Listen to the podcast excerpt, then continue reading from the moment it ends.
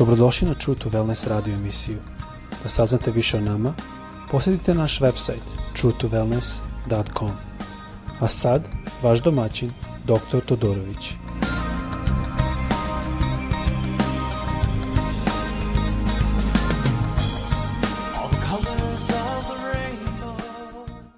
Dobar dan i dobrodošli na naš podcast. Pozdravljam vas, kao i uvek želim malo da se izvinem, srpski mi je slabiji malo više, ali kao što znate, prošli put sam malo govorio o psalmu 51. Zaista divan psalm, mnogo stvari možemo naučiti.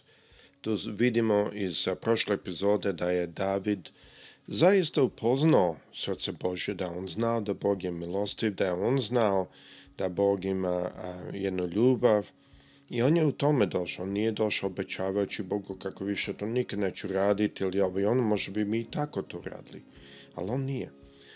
Zašto? Zašto je David znao nešto o Bogu, nešto prilično dublje što bi mi očekivali u starom zavetu. Sad bih želio da počnemo sa trećim stihom. Znači, u prva dva stiha on je molio gospoda da, ga, da mu oprosti, u drugom stihu on je govorio o tome da bude opran, a od toga da bude njegov status kao grešnik, da bude promenjen. I sada vidimo treći stih, da on ide malo dublje. Ja kaže, jer ja znam prestupe svoje i greh je moj jednako predamnom. Sada ja ne mislim da je ovo samo sada što je pogrešio. Ja mislim da je ovo jedan način razmišljanja sve drugo što vidimo Davidu, sve drugo što pročitamo Davidu, pokazuje da je ovo jedan način razmišljanja što je David imao. Kaže, jer ja znam prestupe svoje i greh je moj jednako predavnom. Sada ovdje je zanimljivo što no, originalno ovdje kaže ja prihvaćam ili priznajem, kaže acknowledge, eh, moje greške i moj greh je stalno predano. Znači ovdje je malo drugčije, nije kao na našem. Na našem više znači ja znam prestupe svoje. Ovdje je više u originalu i u engleskom više pokazuje i kaže ja priznajem prestupe svoje. Ne samo znam. Ima tu jedna razlika. Jedno je znati moje prestupe, ali ja mogu da ih pravdam ja, znate šta, ja znam da sam ja slab, pa svako ima neko nešto. A svako nešto greši, pa zašto? Nismo mi, e, mnogo puta možeti ti reći, pa i sam si rekao, mi smo grešni, da? Ali on priznavao svoje prestupe. On nije tražio izgovor. On je prišao gospodu, došao i rekao, ja priznam, ja vidim šta je predamnom, mnom, je stalno pred mojim očima, ne pokušam da gledam ni tu ni tamo da tražim odgovor, nego prosto stoji predamnom. To je jedan način pokajanja koji mnogo puta mi i ne svaćemo ispravno. Pokajanje mnogo puta mi identifikujemo sa tim da se kajemo, da plačemo, da nam je žal, i to je dobro, to treba ali pokajanje isto znači jedan, jedan stav da kada mi dođemo k njemu, naš greh je stalno pre Zašto? Zato što mi tražimo i gledamo način vani. Gledamo način na koji mi možemo savladati to. To pokazuje da mi svaćemo da smo mi uhvaćeni u tome. To je jedna velika razlika. Ne pokušavam da krivim ovog ili da krivim onoga, nego svačam da sam je uhvaćen tome. Da to je jedna duhovna zamka. I mnogo puta, mnogo puta Solomon baš govori o tome kao ptica u, zamci. A mnogi ljudi tako umeju da padnu. To je jedan način da se shvati da je u stvari greh postane jedna adikcija. Jedan put počnemo grešiti, puno je teže izaći iz toga i mnogo puta ljudi možda koriste i možda mi svi malo kažemo, e pa na šta, slabi smo mi, to je adikcija, to nije lako izaći. Ja se pitam neki put da li mi to možda koristimo malo kao izgovor. Ali fakat je da mi kao ljudi jesmo slabi. Jesmo slabi i Bog nas zna. I Bog nas razume jer On nas je napravio. I On zna i kad mi imamo izgovor, On zna. Ali vidimo ovdje da učimo Davida da on, David, nije imao izgovore. Šta kaže u četvrtom stihu? Kaže, samo tebi zgreših i na tvoje oči zlo učinih. A ti si pravedan u rečima svojim i čist u sudu svom. Kad sam počeo ovo da studiram, i kad sam naišao na ovaj stih, ja sam počeo gledati pa mislim, pa stani, on kaže David, samo tebi skreših i na tvoje oči zlo učinih. I onda sam mislio, pa gospode, kako to može da kaže kad je on svakako učinio greh protiv Uraja i protiv Bečebe? Zašto kaže samo tebi? I ja ne mislim da je ovdje slučaj da je on teo da ukaže da on nije pogrešio protiv njih no, sve što on do sada rekao svakako pokazuje da on priznava svoj greh.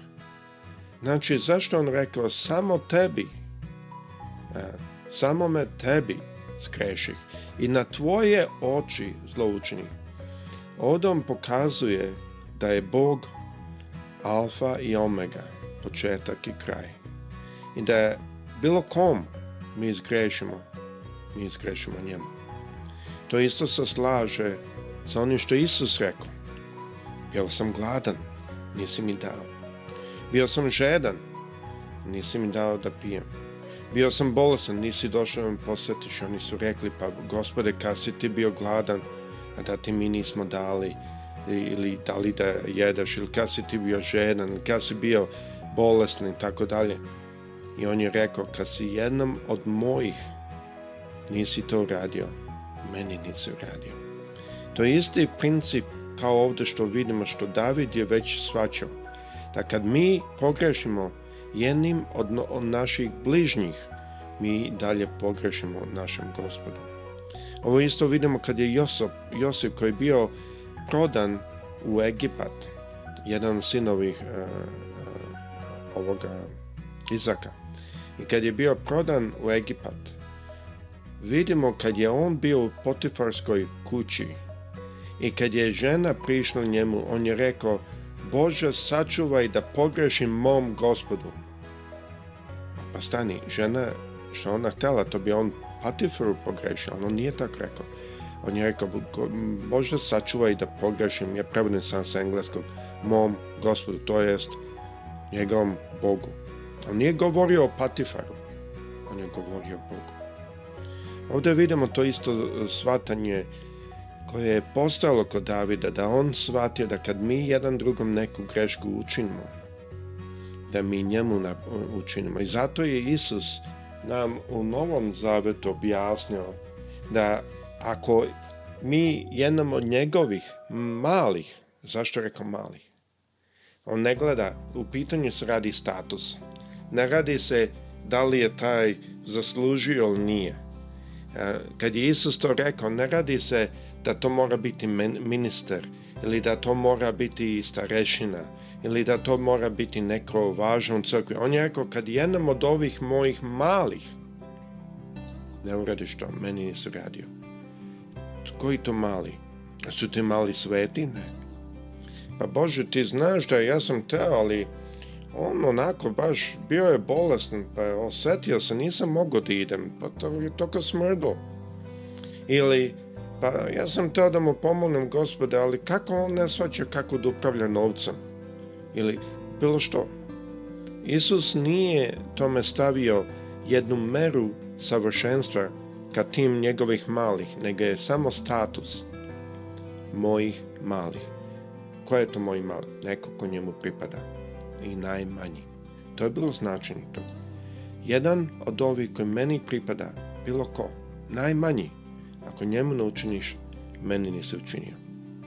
To ovdje vidite da je ovo prilično dobro David upoznao i shvatio dobrih 1300 godina prije Hrista. On je shvatio već ovaj princip i kako Gospod gleda na te stvari. I vidimo ovdje u četvrtom stihu, zato on kaže, samo protiv tebe sam pogrešio. Samo protiv tebe. Zašto? Zato što on pogrešio protiv jedno od onih koji su njemu služili. Uraj je bio toliko predan Bogu da kad je došao kući nije htio da bude sa svojom ženom zato što je znao da drugi trenutno ginu da bi odbranili narod Boži. Sada ostavit ću naredni stih, peti stih za narednu epizodu, gde ovde kažu, gle, u bezakonju rodih se i u grehu zatrudne mati moja nom. I ja verujem da ovde se ne odnosi na situaciju da je njegova majka nešto zlo učinila, nego se i pokazuje jedno znanje, jedan način da je David u stanju videti stanje čoveča tako da ćemo o tome malo govoriti, nastavi par još stihova naredne epizode. Želim vas ohrabriti da znate da što više mi prihvatimo da je Bog jedan alfa i omega u svemu. Što više mi to zaista prihvatimo.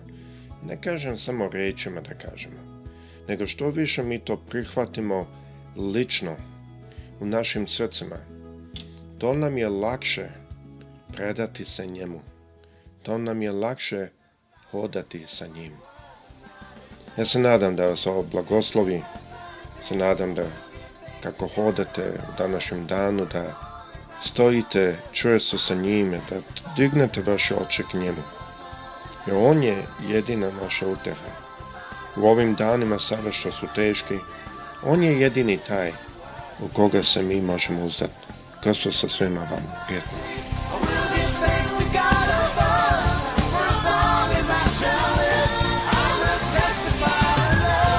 Slušajte True to Wellness radio emisiju. Pridružite nam se ponovo svaki utorak, četvrtak i subotu. Za kontakt molimo posjetiti naš website truetowellness.com. Naša email adresa je info at